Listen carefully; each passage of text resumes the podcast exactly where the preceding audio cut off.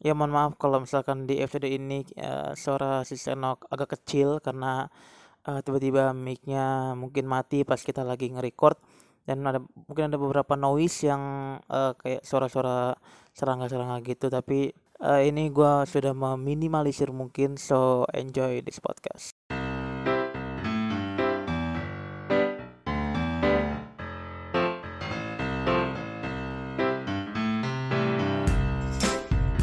Oke, selamat datang kembali di podcast spoiler di tahun yang baru ini, di tahun yang uh, baru ini gua kembali ditemani oleh teman gua Seno. Apa kabar? Oke, baik Ron. Oke, selamat datang baru dulu ya ke para pendengar kita. Selamat tahun baru semuanya.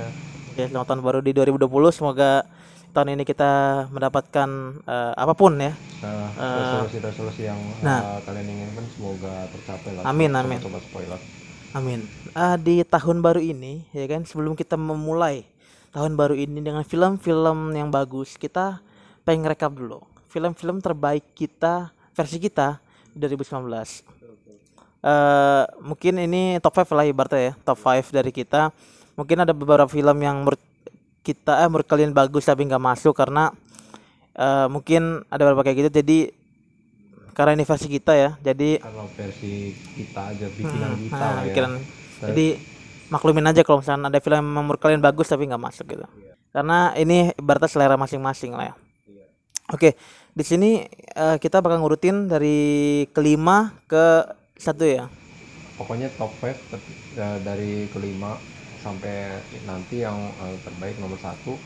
Mungkin dari uh, Roni bisa limanya Roni terus limanya gua empatnya Roni empatnya gua ntar bakal di uh, di explain masing-masing lah kelebihannya okay. di mana gitu ya. Nah. gitu aja sih. Oke. Okay. langsung aja Ron ya. Lu dulu apa gua dulu? Boleh deh gua dulu deh oke okay, lima, okay. lima peringkat lima, lima. Peringkat lima terbaik gua di tahun 2019 ini ada Avengers Endgame. Ini adalah mungkin mungkin banyak yang setuju terutama fans MCU ya yang lumayan banyak. Kalau menurut gua ini uh, menurut gua versi penutup yang bagus untuk MCU debat terutama kan di 2019 ini uh, lalu tau lah MCU kan luar biasa gitu kan. Karena um, dari Captain Marvel terus uh, Avengers Spider-Man itu bisa dibilang lumayan sukses lah gitu kan. Apalagi Avengers Avengers Endgame ngalahin Avatar dalam segi pendapatan itu menurut gua luar biasa walaupun dua kali rilis ulang. Uh, dari segi uh, seri-seri Avenger memang uh, Endgame terbaik terbaik kan, terbaik. Dari crossover ya crossover um, karakter-karakter Marvel. Uh, kenapa gua taruh Avengers Endgame di sini? Itu tadi yang pertama karena penutup terbaik di di MCU walaupun Spider-Man itu penutup ininya ya. Jadi menurut gua Avengers Endgame adalah penutup apa namanya yang membuat gue ketika menonton sebenarnya gue bukan fans Marvel juga gitu. Gue bisa dibilang kayak penonton biasa gitu ya nonton ya nonton Avengers karena gak semua seri MCU gue nonton. Tapi untuk Avengers Endgame ini gue nonton dan gue lumayan merinding ya. Eh, tentang apa dari segi CGI-nya luar biasa terus um, dari segi actionnya mungkin dan dari segi um, cerita mungkin sampai tiga jam menurut gua untuk Avengers apa untuk penutup MCU lumayan bagus menurut gua. Gampang dipahami juga ya. Iya betul kan. kalau gua sih uh, menurut gua sih yang gua bukan fansnya juga sih. Uh, itu Endgame itu gampang sih untuk untuk diikutin. Kalau misalnya kita nggak terlalu kayak misalnya uh, lengkap misalnya dari awal misalnya kayak Captain America 1, Thor 1, Thor 2, Thor 3 apa segala macam kita langsung Avenger Endgame pun Avenger Avenger 41 42 itu lumayan gampang ya diikutin ya? Lumayan lumayan. Karena gua jujur gua nggak ngikutin Ant-Man. Eh ya Ant-Man ya. Gua ngikutin Ant-Man gua nggak paling gua ngikutin waktu itu modalnya uh, ini Avengers Infinity War Infinity War karena Infinity War itu lanjutannya gitu. Walaupun gue yang Captain mereka yang terakhir tuh nonton juga Thor Ragnarok nonton juga. Tapi gue kayak Ant-Man waktu itu gue nggak nonton. Jadi mungkin ada beberapa yang gak gue apa ada beberapa yang gue nggak ngerti waktu itu. Tapi gue tanya ke teman gue yang nonton tadi gue gak ngerti ceritanya juga gitu. Kalau menurut lu lu versi kelima lu apa? Kalau gue sih ada satu ada satu film film film, film uh, bioskop. film bioskop. Tapi film ini juga ada sih di Netflix sekarang. Hmm. Film ini nggak terlalu dikenal sih. Eh, judulnya itu um, extremely shocking wicked evil and Vile. itu eh, kenapa gue bilang bagus? Itu tuh salah satu eh, film dokumenter Ted Bundy. Itu eh, film psikopat lah pokoknya. Gimana dia Itu tuh real, real story itu berarti. Eh, itu real story. Real story. Dia jadi eh, di film itu tuh cerita bagaimana eh, dia Ted Bundy itu seorang pembunuh tapi dia cuman membunuh wanita doang nah Kenapa dia tuh? punya dia punya kadang dia punya pacar cakep Hmm. punya anak juga tapi dia eh, terobsesi gitu setiap dia nemuin orang setiap dia nemuin wanita tuh pengennya dibunuh aja Single bacok ya. Ah, nah itu begitu banget tuh ya itu eh, menurut gue itu salah satu film dokumenter yang tidak membosankan. Di tahun 2019 kalau gue bilang ya film dokumenter yang salah satu yang terbaik sih itu.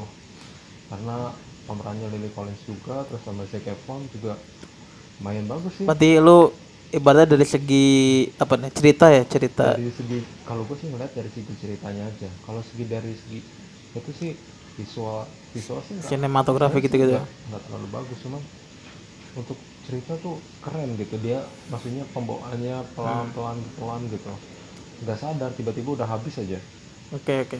hmm. Em, mungkin kita langsung ke ini ya. Hmm. Empat ya. Nomor empat lo Nomor empat gua itu ada ini adalah salah satu film yang pengen gua yang gue tunggu paling gue tunggu di 2019 ini yaitu adalah Toy Story 4 another eh, apa namanya eh seri eh series apa sih namanya? Kalau itu ini another apa? Eh Eh, sequel ya? sequel ya Sequel. sequel dari Toy Story. Yang di mana sebenarnya Toy Story 3 itu sebenarnya sudah bisa menjadi penutup ya seri Toy Story. Tapi Ya sih kita juga nggak nyangka ya maksudnya Nih, ya. keempat. kita kita nggak nyangka juga ternyata Disney masih buat yang keempat.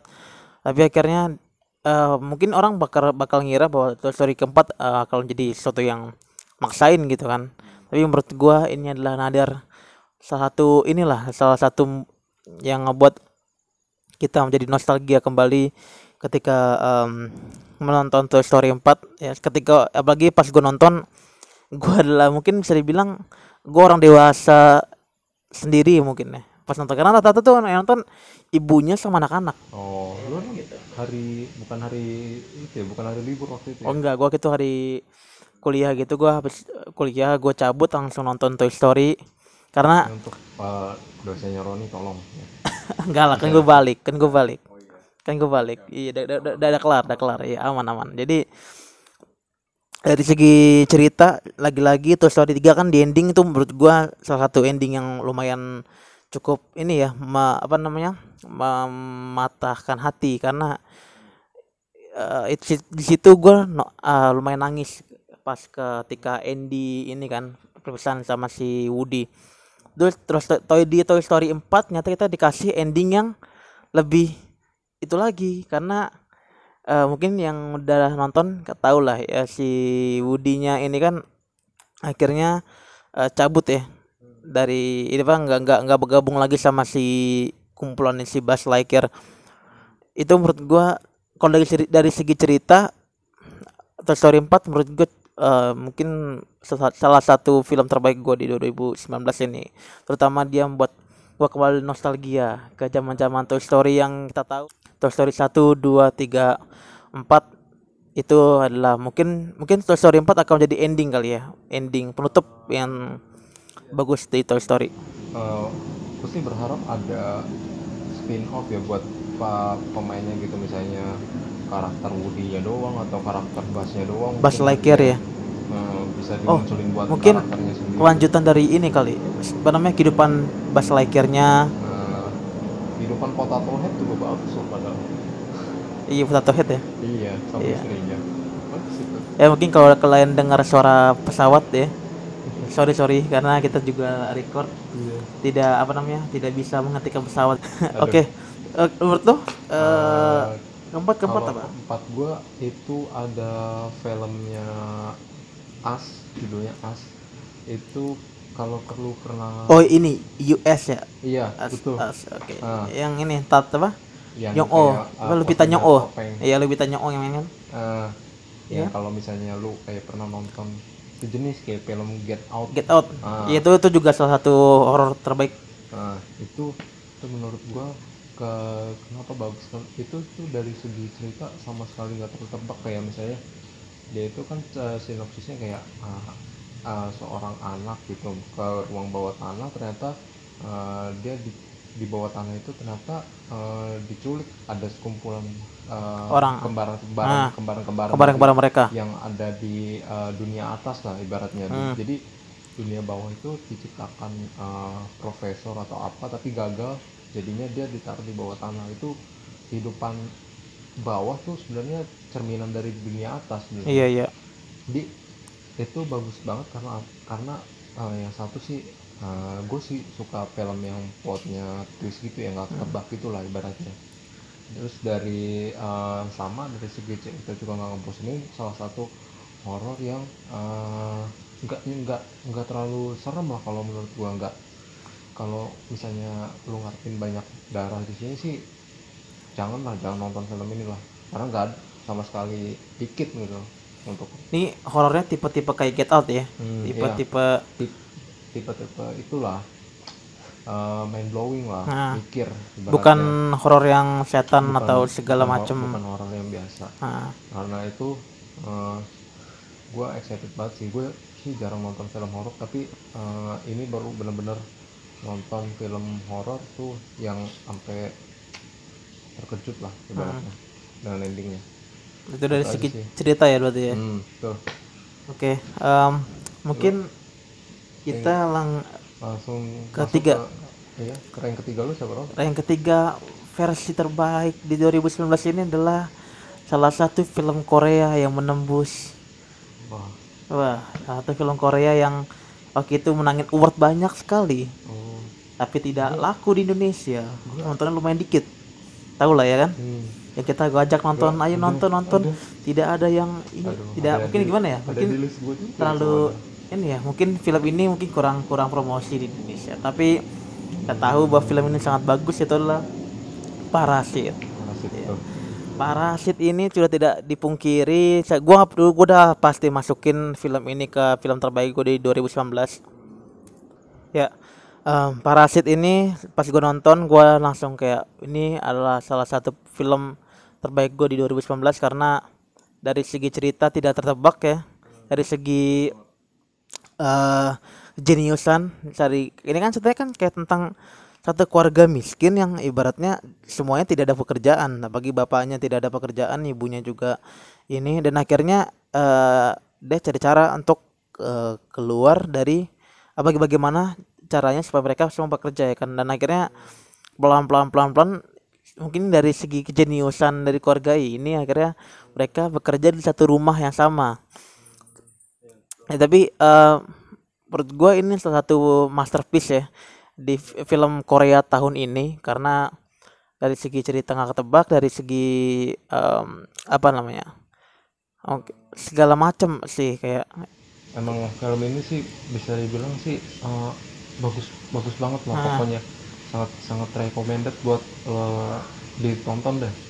Karena iya kenapa kenapa? cerita karena tidak tertebak sama sekali. Iya. ini arahnya mau ke mana Karena menurut gua begini, eh kok kar- begitu? Nah gitu. karena menurut gua ini salah satu film yang gue sebenarnya bisa dibilang lumayan jarang nonton film Korea. Karena terakhir kalau film ya kalau film terakhir gue nonton apa namanya itu yang zombie Train to Busan juga salah satu film terbaik menurut gua. Tapi eh Parasit ini kayaknya mungkin ya untuk penggemar apa penggemar drakor mungkin sering nonton Korea film-film Korea. Tapi kalau menurut gua mungkin ini suatu hal yang berbeda dari film-film Korea karena mungkin Korea dikenal dengan film-film walaupun masih banyak apa banyak genrenya tapi film Korea kan dikenal sebagai dramanya ya romance segala macam film-filmnya tapi eh Parasit ini adalah salah satu film yang out of, out of the box lah ya. Segala jadi bener-bener eh, susah lah ini maksudnya film eh, kalau misalnya kita nonton tuh ini sebenarnya mau arahnya mau ke mana sih sebenarnya? Iya betul.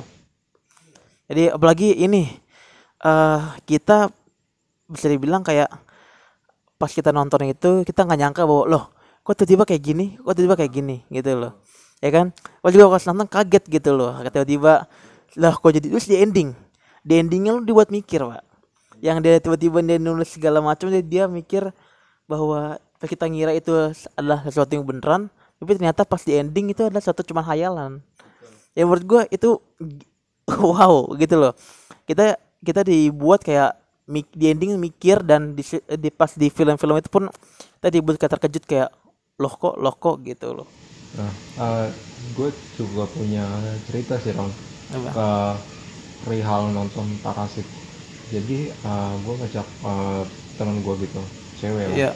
nah dia gue ajak nonton Parasit untuk satu jam pertama mungkin masih bisa tahu-tahu lah ya iya betul tapi eh, yang udah pas eh, ending eh pas scene ulang tahun itu lu tahu kan Ron? iya tahu tahu Eh, ulang tahun itu dia nata meja ibunya segala macam kan iya. Nah ternyata ada bunuh-bunuhan kan di situ. Hmm.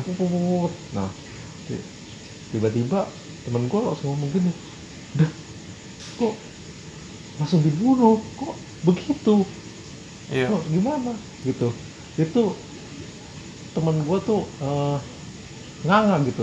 Ibaratnya apa ya plongol plongok lah Iya, makanya. bengong bengong. Makanya itu bengong lah kalau lu menurut itunya. Dia sampai keluar bioskop tuh kok jadi begitu ya kok filmnya? bisa gitu ya? Iya, iya. iya, gitu. Dia sih eh, mungkin ya kalau eh, kadang agak sulit ya maksudnya di beberapa orang mungkin kok aneh nih film. Tapi Hmm. justru itu yang membuat film bagus tuh sebenarnya itunya sih kalau menurut gua. Satu yang tidak ketebak Iya. ya. Bener itu sampai gua ingat tuh reaksi orang-orang yang habis nonton itu tuh kok gitu? Gitu. Sampai gimana ya? Makanya kita sangat menyayangkan sekali karena di Indonesia Mm-mm. lumayan sepi Hmm. penontonnya ya. Hmm, karena ya apa? eh, kurang ini maksudnya ya. Apa? Karena mungkin satu eh, mungkin cuma ada si si GV Iya, doang betul, mungkin si yang GV waktu doang. itu. Heeh, karena kan orang juga udah terbiasa dengan XX1 Hmm. itu aja sebenarnya terutama pas kita awal kita nonton itu juga lu- si GV kita tonton ya di Mm-mm. di ini di BCP itu lumayan sepi banget waktu itu kita Hmm. menonton Parasit Mm-mm. jadi eh, kalau lu versi ketiga lu film ketiga lu Ah, versi Apa kedua gue sih eh, ada satu film Apa? dari Netflix pokoknya lo ya tau lah film ini membuat orang yang habis nonton tuh tidak mau menikah waduh sih lo tau lah. Waduh Tahu lah. kita jadi top 3 gue itu eh, ada Marriage Story. Eh, jadi eh, kenapa gue taruh di top 3 Eh, ini salah satu tiga film terbaik yang harus banget lu wajib nonton pokoknya. Eh, entah di maksudnya lu kalau nggak sempat bisa di tahun ini pokoknya. Eh, film ini sih eh, sebenarnya eh, dari segi cerita sih mungkin udah udah banyak ya mungkin yang yang udah pernah cerita-cerita kayak gini. Cuman dia tuh eh, ngebangunnya jadi dua sisi. Jadi ada di sisi ada sisi suaminya terus ada dari sudut pandang istrinya. Itu yang bikin menarik. Kalau biasanya kan kita tuh cerita disuguhin dari maksudnya sudut pandang orang ketiga atau sudut pandang salah satu orangnya maksudnya istrinya atau suaminya. Tapi ini kita disuguhin dari eh, sudut pandang keduanya gitu jadi gimana istri eh, mandang suaminya atau si suami mandang istrinya tuh kayak apa? Sebenarnya itu itu sih yang bagus. Jadi eh, kita juga tahu maksudnya eh, ternyata di balik dia kalau misalnya di cerita itu eh, cerai itu maksudnya kenapa gitu? Dari sisi suaminya kenapa dari sisi istrinya juga kenapa gitu? Kita dijelasin sebenarnya. Terus usaha-usaha buat eh, apa eh, supaya eh, nggak berantakan gitu rumah tangganya gitu, dia juga dijelasin gitu ini ini bagus banget sih menurut Hmm. gua kalau menurut lu Ron? kalau menurut gue sebenarnya ini salah satu film yang masuk juga ke top Masuk. 2 Eh, masuk ke list lu ya masuk ke Aduh, sorry sorry list ke apa Hmm. ini kan masuk ke list ke kalau ini nomor dua kalau gua Eh, karena dari segi jadi acting masuk aja nih ya Iya. nomor dua dari segi acting luar menurut gua luar biasa. Ada satu scene yang di mana yang adegan marah-marahannya itu itu tuh pas gua ada waktu itu di twitter kalau nggak salah ada namanya eh nas apa skrip skrip sama eh, dialog mereka pas lagi adegan. Itu sama persis pak. Luar kata gua anjir sama persis. Lu Dan biasanya itu kan kelihatannya tanpa dikat ya ibaratnya. iya. Jadi itu misalnya dialog panjang hmm, tanpa dikat sama sekali. iya itu itu Hmm, dan keren sih. adegan kayak walaupun ada beberapa yang eh, dikit-dikit lah dikit banget tapi itu kayak perbedaan dikit Mungkin banget karena itu impro- improvisasi Iya. bentuknya ya. iya tapi, tapi biasanya tapi tapi kalau misalkan im apa namanya kayak benar-benar persis sama skenario menurut gua lumayan agak gila gitu berarti dia benar-benar kayak men- mendalami skenario nya ya, kita tahu lah kayak Scar- Scarlett Johansson ya papan atas lah ya kan Ya, dan siapa yang cowoknya pemeran cowoknya Eh, namanya? Noah Baumbach. iya lo ya bombak ya pokoknya Iya. itu deh se- seingat gua itu juga menurut gua kayak mereka tuh kayak udah kenal lama apa ya kayak udah bener enggak kata aktingnya kalau misalkan gua nonton film dan film itu tidak terlihat terlihat apa pemeran tersebut tidak terlihat kayak acting menurut gua itu adalah salah satu apa namanya mungkin ya bisa dibilang ak- udah aktor terbaik lah gitu. Atau dari segi cerita kamu tadi udah dulu jelasin tentang segala macam itu gitu sampai dia kan uh, pengen masuk nominasi akademi kan film ini. Dan ya itu dari segi cerita dari segi pemerannya totalitasnya menurut gua ini adalah salah satu film terbaik di 2019 ini gitu. Hmm. mungkin kalau lu top 2 nya kalau gue sih mungkin ada lagi sih sebenarnya kayak Hmm. The Irishman ya kan? Oh iya. tapi itu film udah bener film yang mikir kalau ini karena gua harus nggak kalau mau ngasih ngerti ceritanya kalau gue ya gua nggak gua pas nonton pertama kali loh kok jadi begini gitu kan? Karena karena pas gua nonton lagi ya ternyata gua akhirnya ngerti pokoknya itu tentang kayak eh, mungkin yang baik tahu lah ya The Irishman juga salah satu karya yang siapa? Ini sutradaranya siapa sih namanya Rob- Ini. yang main Robert De Niro ya. Nah, Robert De Niro sama Martin Scorsese, Pak. Oh iya. Itu, lu, lu nonton kan? Irishman? Nonton, nonton. Iya, itu Nonton nonton. itu kan sebenarnya apa cerita katanya sih ben- ini kayak cerita, cerita asli katanya ada ada beneran. Eh, Tapi dari segi itu kayak kita tuh sebenarnya cerita ini tentang eh, tentang cerita tentang mafia doang.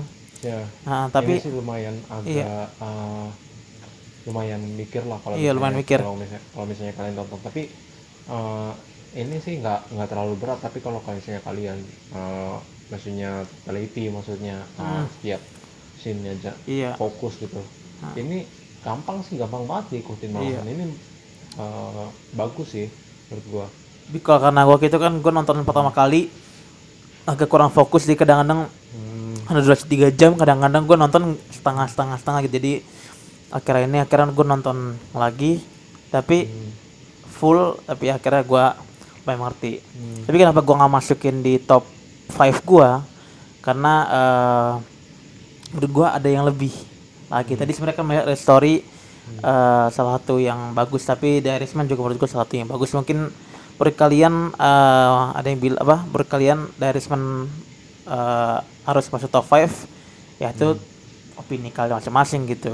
Tapi kalau menurut gua top 5 gua ya tadi Eh, Marriage gua Story. juga, juga eh, bagus sih. Hmm, bagus. The Irishman salah satu yang film yang Sa- bagus. eh, bisa kalian tonton juga ya di Nah, Netflix. iya betul. Kalau lu versi apa kedua lu Tet- eh, sebelumnya gue juga pengen ngasih tau kalau tentang Irishman itu eh, Irishman itu eh, salah satu eh, film sebenarnya gue pengen cerita dulu Irishman itu film ini yang ceritanya eh, budgetnya lumayan mahal. Hmm. jadi eh, dia itu karena sutradara atau produsernya gue lupa. Itu dia jadi takut rugi. Jadi eh, dia cuman beberapa hari doang tuh di bioskop. Terus eh, dia jual lisensinya ke Netflix. Netflix ya Nah, kenapa gue bilang mahal? Itu tuh katanya dia pakai eh, teknologi CGI yang bisa eh, Ini, mudahin mau- Muni ya? sampai dia mudahin mudahin si Robert, De Niro ya ah. itu Robert De Niro bisa sampai eh, kira-kira sampai umur belasan ya kalau nggak Ah. salah gua gua ingat tuh di scene awal dia ngangkat eh, jadi tukang apa ya Tukang Kuli- ini? kuli di tempat iya daging ya ah, salah. ah. yang antar-antar truk ah, gitu ah. itu tuh dia bahkan sampai manggul ya Hmm. itu di, ma- di masa mudanya nah itu sih yang bikin yang bikin mahal sih teknologi Iya, teknologinya itu. jadi orang-orang di situ sebenarnya eh tuh kalau lihat da- daftar list aktornya tuh udah aktor-aktor. Wah yang luar biasa itu mah pak. di atas 50 50 Ah, ah. tahun lah ibaratnya. Ah, ah. itu sih menurut gua. Udah pada tua terus emang emang gua juga tahu itu kayak eh, emang The Irishman gunain teknologi itu juga lumayan mahal lah. Hmm, gitu tahu makanya makanya mungkin yang sekarang waktu itu lagi ramai juga di, di 2019 Hmm. Rilis desain terdekat ya kan? Mungkin um, kita bakal bahas kali ya rilis desain terdekat mungkin nanti segala Oh, iya. macam boleh boleh boleh. Tapi kan kenapa? Kalau ini kita melenceng ya dari top 5 tadi. Oh, boleh. Eh, kenapa orang rilis The Snyder Cut gitu-gitu? Terus juga WB bilang karena dia nggak apa WB bilang dia nggak dia nggak mau rilis karena itu tadi karena budget eh, budget pasca produksinya itu juga lumayan besar. Hmm. gitu kan? Jadi eh, makanya tadi gue pas lu bilang kayak tentang masalah CGI CGI segala macam gue gue ngerti lah karena emang itu lumayan mahal lah gitu nggak nggak makan nggak makan biaya murah jadi kalau sama cu- cuma takut rugi doang takut Ah, filmnya ah. tuh tidak menjual karena iya dia juga tahu maksudnya film ini tuh butuh maksudnya ini saya bilang mesti mi- Iya gitu. mikir. Yang Tidak, kedua ini ah, bukan film hiburan. Menurut kalau menurut gua ini kayak film-film akademi. ah, Jadi gitu sih. Jadi ya kalau ini ya ini udah emang ciri khasnya ini sih Martin Scorsese lah ya. betul. Gitu makanya. Jadi kalau untuk orang-orang yang kalau menurut gua orang-orang yang demen apa namanya? Orang-orang yang mungkin demen film-film yang hiburan atau segala macem agak sulit untuk Agak nonton sulit. film Sama. The Irishman. Mm-mm. Tapi ya kalau kalian mau nonton nonton aja di Netflix Ah, gitu. aja, karena itu bagus sih kalau misalnya kalian detil aja teliti Iya. gitu siap scene-nya fokus Iya. siap menunjuk fokus ah, pasti ngerti kok Ah, lo kalau dua Gua kedua sebenarnya kedua gua parasit tadinya parasit. Hmm. Kenapa tuh? cuman eh, karena udah dibahas tadi gue pengen ngomongin yang tidak masuk top 5 tapi Iya, kira-kira ini layak lah iya. gue sih bakal milih eh, Midsommar Oh iya, Midsommar. Gua lupa ya. iya Oh iya, Midsommar, Midsommar. Betul. Eh, kenapa sih gue bilang eh, ini eh, lumayan lumayan bagus? Tapi eh, sebenarnya sih ini layak 5 lah. Cuman ya karena eh, beberapa pertimbangan karena itu juga selera selera gua lah ya. Hmm. jadi uh, Midsommar itu uh, menurut gua uh, termasuk dia kategori horor tapi uh, gua nggak nggak maksudnya uh, gimana ya kalau misalnya lu nonton film ini tuh ya aneh gitu. Ini tuh uh, film mau ngarahnya ke mana gitu. Nah terutama sih bagi yang lu seneng film-film kayak ya sih ini agak sama sih kayak misalnya film-film lain. Kalau misalnya lu nonton film horor tuh kayak ada ritual-ritual gitu. Tapi Disturbing. eh, yang selama ini lu lihat kan ritual itu manggil arwah kayak misalnya Annabelle atau misalnya Falak atau segala macam Iya. lah Hmm. ibaratnya tapi ini tuh kayak ritual tapi sebenarnya sih dia bukan manggil set manggil setan atau apa ya jadi gue bener-bener ritual dia tuh eh, malah pas gue nonton scene ritualnya itu malah gue ketawa tuh gue nggak tahu kenapa tapi ketawa gue nah cuman menjelang ah, menjelang akhir tuh eh, yang semuanya tiba-tiba jadi tumbas tiba-tiba si tokoh ini hilang tokoh itu hilang tokoh ini hilang uh baru bener-bener bener-bener gue merasa ini film bagus Menurut gua sebenarnya Midsommar juga satu film bagus. Gue lupa aja masukin ke list. Karena gue juga nonton dari apa emang ini film kan sebenarnya di Indonesia itu udah versi cut cut cut lah ya. Ya saya bilang kayak versi cut. di sebenarnya film aslinya itu kalau nggak salah hampir tiga jam. Kalau nggak salah hampir tiga jam. Dikat lagi di Amerika hampir setengah jam seingat gua. Itu s- akhirnya dua setengah dua setengah jam lebih lah. Dua setengah jam lah pokoknya dua setengah jaman. Baru situ pas di Indonesia itu dikat lagi. Jadi emang siapa eh, sutradaranya yang sutradara di kan saudara siapa? Hered- si- Heredity ya? Hereditary. Hereditary. Eh, Ari Aster, Ari Aster. iya, Ari Aster. Eh, itu kan terkenal dengan horror disturbing lah bisa dibilang ya so horror yang kayak gitu. Hmm. jadi eh, Midsommar emang satu film yang bagus juga. Kalau untuk yang gua yang pertama ya ini adalah satu salah satu masterpiece lah. Salah satu masterpiece di tahun 2019 yang gua nonton trailernya aja sudah wow wow wow ya. Hmm. Terus juga pas awal rilisnya yang pengen cepet-cepet nonton di tanggal 2 Oktober Apa tuh? tanggal 2 Oktober 2019 waktu itu ini adalah ketika orang mendewa-dewakan Avenger DC mengeluarkan masterpiece dia itu adalah Ah. Joker Oh, Joker. aku Ini- daku. enggak lah eh kecumbu tubuh indah aku sih bagus. Tapi gua nggak nonton. Masalahnya makanya gua nggak masukin ke daftar itu. Oke tapi eh kena- apa namanya? Ke eh, film Joker ini adalah salah satu film yang luar biasa pak. Budget minim penghasilannya gila-gilaan. Ini gi eh, ini bisa bilang kalau misalnya dari eh, ada apa pas kita baca-baca sebenarnya WB juga sebenarnya agak ragu agak takut lah. Di film ini jadiin uh, uh, R, R rating ya rating R gitu. Rating dewasa. Karena film ya lu tau lah sekarang WB DC-nya pengen ikutin ini kan. Yang ikutin apa namanya? Marvel.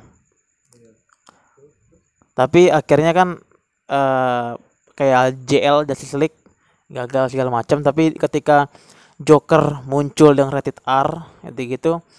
Kita s- pas kita nonton trailernya aja menurut gua eh, salah satu apa salah satu yang luar biasa lah gitu. Mungkin banyak yang ngira Joker adalah sal- salah satu film superhero gitu kan. Mungkin ada yang nggak tahu kayak teman kita ya kan. Tidak kayak ya mungkin anda mendengar ini ya kan. Em, dan ketika pas dilihat itu sebenarnya emang film bukan film hiburan. Itu film film film akademi lah film mental ini kan film film mental illness lah bisa dibilang. Kayak bukan ini ini bukan tentang masalah Batman atau Superman segala macam ini tentang manusia yang bernama Arthur Fleck itu yang punya kelainan mental dan udah kelainan mental terus di- dihajar lagi sama society-nya yang parah banget di Gotham City kan dari segi cerita menurut gua ini menurut gua kayak anjir.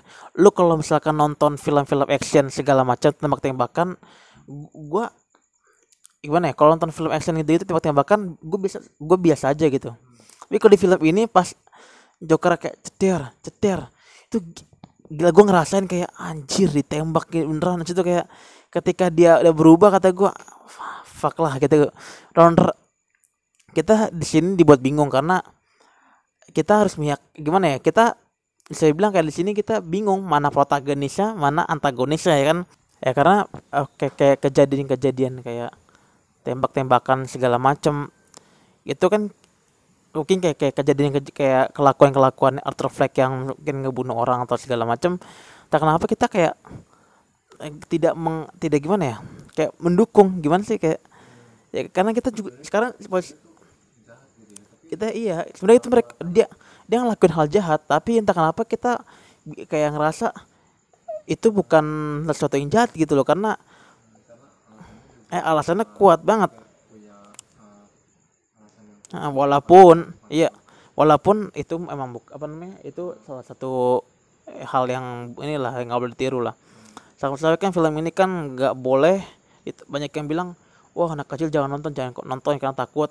Segala takutnya kayak gitu. Orang apalagi orang-orang yang mungkin bilang nonton apa wih orang-orang yang mental illness jangan nonton lah gitu. Takutnya. Di Iya, Amerika pun ah. juga katanya di eh, apa diprioritaskan lah kategorinya. Karena eh, di sana kan banyak penembakan massal iya takutnya ada penembakan macam. massal terjadi Nah. gitu ya.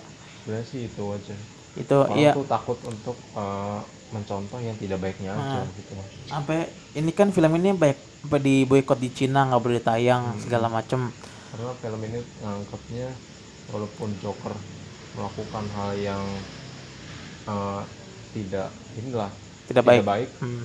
tapi dia dianggap hero oleh masyarakat nah di eh, masyarakat kita pun juga begitu ya kenapa bisa diboikot apa segala macam Hmm. Tapi eh, gua senang sekali di Indonesia tidak diboikot nih karena ini salah satu film yang menurut gua Joaquin Phoenix wah ketika kita dikecewakan sebenarnya kita dikece apa di di Suicide Squad kita sebenarnya tidak dikecewakan apa di- kita dikecewakan oleh Jokernya gitu bukan pemerannya karena menurut gua Jared Leto pemeran Joker di Suicide Squad itu kurang ini aja sih kurang development kurang build up karakter karena di situ coba bisa bilang kayak cuman tampil 10 menit doang di film itu. Tapi di film ini Joaquin Phoenix emang luar biasa karena dan banyak juga yang bilang ini orang emang udah saatnya Oscar di tahun ini gitu di tahun 2020 kalau menurut gue sih uh, sama juga Joker juga uh, terbaik lah maksudnya. Uh, dari segi ceritanya bagus segi visualnya juga bagus uh, tidak membosankan dan Iya, betul. lain-lain Apa, Uh, emang sih uh, Joaquin Phoenix sih mestinya aktor terbaik lah. Ah, Oscar lah ya. Gua Oscar lah Oscar hmm. film film Joker prediksi gue bakal menang banyak Oscar sih. Terus juga em, apa sih namanya dari segi itu lagi dari segi bunuh-bunuhannya juga menurut gua ya film ini gi- gimana ya? Kita kan dulu mungkin kalau saya nonton film-film kayak pembunuhan gitu mungkin kayak cuman itu doang kayak cuman tegang-tegang doang. Tapi kalau ini kayak pas dia ngebunuh ini kayak anjir kayak anjir itu. Pembunuh kan apa disturbing parah itu kan apalagi pas betul. ngebunuh temennya si siapa namanya? Randall. Hmm. itu kan gila apalagi di depan temannya yang apa namanya yang agak apa agak pendek. Hmm. itu kan oh iya. iya itu kan iya iya. Abis dia ngebunuh terus tiba-tiba dia ngebiarin orang itu lepas gitu loh. Hmm. terus juga kenapa gue bilang film ini terbaik? Karena kita di di, di ceritanya dibuat mikir lagi. Kita dibuat mikir ini ini sebenarnya ceritanya ini bener real nggak sih? Atau mungkin cuma khayalan si Arthur? Hmm. ya kan? Nah, itu. Soalnya di beberapa scene ada yang bilang apa namanya ketika lu nonton film ini di jamnya itu di jamnya tepat di pukul 11 kalau nggak salah deh. Jadi jamnya tuh nggak berubah-berubah. Ada yang bilang itu memang film ini tuh bener hayalan kayak semuanya hayalannya Arthur. Hmm. atau ada yang bilang cuma beberapa doang yang hayalan semuanya real gitu. Kalau kalau menurut gua em, eh, film-film kayak gini yang misalkan kita dibuat kayak di endingnya masih bingung itu ceritanya ini bener apa ini hayalan atau enggak ini ini kayak apa ini ke- bener kejadian atau enggak itu menurut gua salah satu film yang bagus. Karena kita ibaratnya banyak banget pilihan-pilihan endingnya Ya, sebenarnya betul. kita bisa pilih. Betul, betul. terus juga em, dari segi cerita dari segi sinematografinya luar bagus gitu. Terus juga dari segi musik kalau misalkan ada uh, misalkan nonton misalkan eh, pas lu nonton gitu kalau ada musik yang muncul itu sebenarnya kayak setiap ada musik muncul pasti ada orang mati bakal mati gitu Hmm. gitu-gitu pasti kayak musiknya juga terutama tong sih yang adegan di joget-joget di kamar mandi Nah, iya. Kenapa tuh? itu kan apa namanya kayak sejak itu menurut gua kayak ketika dia habis ngebunuh orang tiba-tiba dia joget-joget itu menurut gua anjir. Ini emang parah sih. Emang karakter udah ada gimana ya udah kayak nemu obat baru aja gitu. Jadi eh, Joker ya sudah tidak bisa dipungkiri ini adalah salah satu terbaik. film terbaik. Menurut gue yang terbaik ketika dulu ketika orang bilang Avenger terbaik gini gini gini. Sorry to say aja nih fans MCU ya Hmm. Joker lah yang terbaik tahun Oke. ini. Kalau menurut lo kalau Ah, yang pertama gua, yang pertama film punya lo. pertama gua eh, film ini sih sama sekali nggak nggak masuk lah. Kalau eh, penghargaan gue lihat sih di Golden Globe dia nggak masuk lah. Tapi ini sih selera gua aja. Ini eh, salah satu film yang eh, gua nonton itu tidak meleng sama sekali. Sumpah Nggak meleng? nggak meleng sama sekali gua fokus gua sama ceritanya. Eh, ini film judulnya Ready or Not jadi oke tahu eh, gua ready or not jadi yang kelompok apa ada pengantin gitu si istrinya. Jadi eh, ternyata di ritual di keluarga suaminya itu kalau misalnya ada eh, anggota keluarga baru yang masuk di anggota keluarga tersebut tuh harus eh, dia harus main eh, di ritualnya dia. Jadi ada ada macam-macam permainan lah. Hmm. nah tapi kebetulan dia sialnya milih uh, petak umpet lah ibaratnya. Tapi petak umpet ini bukan petak umpet biasa yang kalau misalnya lu uh, cuman ibaratnya nyentuh orang doang atau nyentuh punggungnya doang udah langsung kalah gitu. Tapi ini beneran dibunuh gitu. Dan satu keluarga tuh bunuh berusaha untuk membunuh si uh, istri ini si pengantin perempuannya. Jadi uh, sepanjang satu jam lebih lah ibaratnya satu setengah jam apa gua juga lupa maksudnya. Itu bener-bener bagus banget kalau misalnya lu nonton. Itu jadi uh, kayak adrenalin lu tuh gimana ya? Uh, sebenarnya lu juga takut nih. Sebenarnya ini kalau misalnya lu cerita ini ngapain sih nih keluarga main ritual petak umpet tapi sampai bunuh-bunuhan nah jadi di sini tuh si keluarga ini percaya bahwa kalau dia nggak mainin ritual itu dia bakal mati semua. Dan ternyata tuh pertama-tama uh, pas gua mis pas gua nonton di bioskop tuh orang-orang juga pada apaan sih? Maksud gitu doang mati? Tapi pas tamat det kepalanya tuh pecah semua kayak balon tuh aneh itu menurut gua aneh banget beneran kalau film itu sih gua apa di or not ya gua Oh. gua gua nggak nonton gitu. Hmm. mungkin kalau apa namanya mungkin emang eh, sekali lagi ya kita ingatin bahwa hmm. ini semua adalah opini kita Hmm. kan versi kita masing-masing berarti kesimpulan ya kalau punya gue yang perla yang kelima adalah Avengers Endgame Hmm. keempat adalah Toy Story 4 tiga Parasit Hmm. kedua Marriage Story. Yang kalau yang pertama itu adalah eh, apa namanya? Joker. Kalau tadi lo apa? Yang Uh, nomor 5 gua extremely wicked. Uh, keempat gua as. Uh, ketiga gua um, marriage story. Uh, kedua gua parasit uh, pertama gua ready or not ya pokoknya itu dia eh, lima lima film Lima terbaik film kita terbaik di tahun dari uh, Nah, gua sama Roni. Lima terbaik film terbaik apa lima film terbaik kita versi Hmm. kita tahun 2019 tahun 2019 ini. Semoga di du- 2020 ini banyak banget film-film yang kita tunggu. Uh, Terutama- yang lebih, yang lebih bagus ya Iya betul. Terutama kayak Fast and Furious kayak 9 itu juga bakal tayang di tahun ini seingat gua. Terus juga nanti kayak film Indonesia kayak Januari nanti ada Sidul ya Fakir. Itu bisa apa sekarang kisah? juga bagus Ron. Uh, apa? nanti kita cerita hari ini tuh bagus itu. Itu. boleh udah, sih itu udah, boleh. udah, udah tayang tuh di bioskop. Boleh boleh. Itu mungkin tapi salah gue satu itu. excited untuk tahun ini. Filmnya Christopher Nolan Tenet. Itu apa tuh? gue tunggu. Oh, oke. Ya paling kalau kalau gua eh, film yang pengen gue tonton itu tadi Sidul ya. Hmm. sudah pak Hmm, Dilan bagus. Dilan. Ah, karena gue ngikutin Dilan. Boleh boleh. Ya, ya karena saya gabut ya. Eh, saya akhirnya nonton Dilan ternyata wah saya pengen Oh, saya ngikutin bukan juga. ya. gue bukan penggemar Iqbal juga tapi kan gue gue penggemar PD baik Iya. gue coba dong tolong tolong ganti yang lain tuh eh yang kayak gitu dong lu. Iqbal tetap ya Iqbal kan sudah Tak, tapi Cap harus Dilan. lah itu film bagus Dilan bagus. Eh Dilan bagus kan? Iqbal bagus sebagai Dilan sebagai Dilan cocok Dilan sekali. bagus Jadi tapi Dilan. Iqbal. Oh. hah? Begitu dong lo. Iqbal bagus Iqbal. Jangan kayak gitu. Nih salah salah. Iya.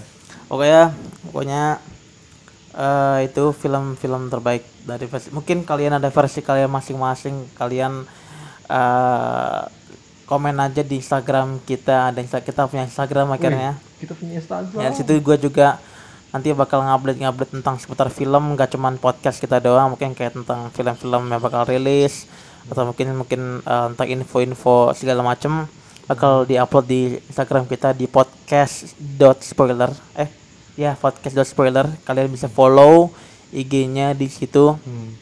dan eh, kita bisa apa kita masalah jam tayang kita masih random ya pokoknya Hmm. kita kapan aja Ya, mungkin sempat-sempatnya iya karena, sempatnya eh, si Roni juga ada masih ada jadwal kuliah Iya, juga betul. masih ada aktivitas yang lain ya Itu betul aja. jadi ya pokoknya secepat secepat mungkin kita bakal upload episode episode selanjutnya pokoknya Hmm. kalian ikuti aja follow aja Spotify kita dan rencananya eh, episode 2 ini aku bakal upload di YouTube mungkin bagi Iya, mungkin bagi yang yang tidak punya Spotify, kalau Anda tinggal download, Anda tidak apa, tinggal download doang susah banget ya.